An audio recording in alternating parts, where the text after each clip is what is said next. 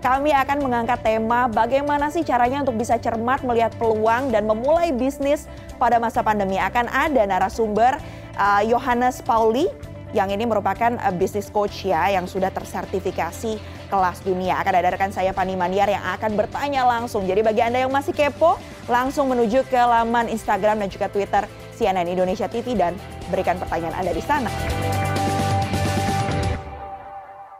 Kita langsung saja ya, ya Coach ke pertanyaan kedua ya Coach. Boleh. Dari Ed Cooks 567. Coach, jenis uh. usaha apa yang cocok dilakukan saat pandemi ini? Kuliner, kebutuhan medis, atau mengikuti tren gaya hidup warga saja? Nah, itu kalau itu saya mau jawabnya langsung ya. Ada tiga langkah nih untuk bisa dapat bisnis usaha yang paling tepat buat Anda. Hmm. Yang pertama, langkah pertamanya adalah fondasinya dulu.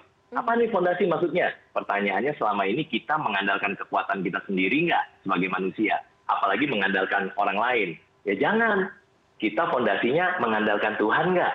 Ini hmm. serius loh. Hmm. Kita doa nggak sama Tuhan, minta hikmat. Tuhan bisnis usaha apa nih yang aku harus jalanin gitu kan? Kadang-kadang kita lupa, bener nggak sih Mas?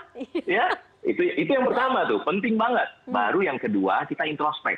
Kita lihat, kalau kita di survival mode, kita lagi survival, udah deh, apa aja yang lagi laku, pokoknya kita jual. Pasti okay. begitu dong. Yang penting keluarga kita makan, bener nggak sih? Betul, yang penting Tapi kalau kita, iya betul. Tapi kalau kita di building mode, maka kita bisa mulai mikir, introspek. Oke, okay, apa yang aku jago, atau hmm. apa yang aku suka, atau hmm. passionnya di bidang apa, atau hmm. apa yang future trend. Jadi bisa banyak cara untuk melihat uh, bisnis usaha apa yang tepat di pandemik dan setelah pandemik ini. Ini new normal, okay. di situ kan next normal gitu ya. Okay. Nah yang ketiga, langkahnya adalah learn before you earn. Okay. Belajarlah sebelum anda menghasilkan. Kebanyakan orang lupa.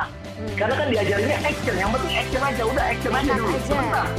Uh, uh, belajar dulu, learn before you earn. Okay. Belajar aja. Sekarang kan banyak bisa di YouTube channel, di YouTube channel saya juga bisa atau di Instagram gitu kan ya.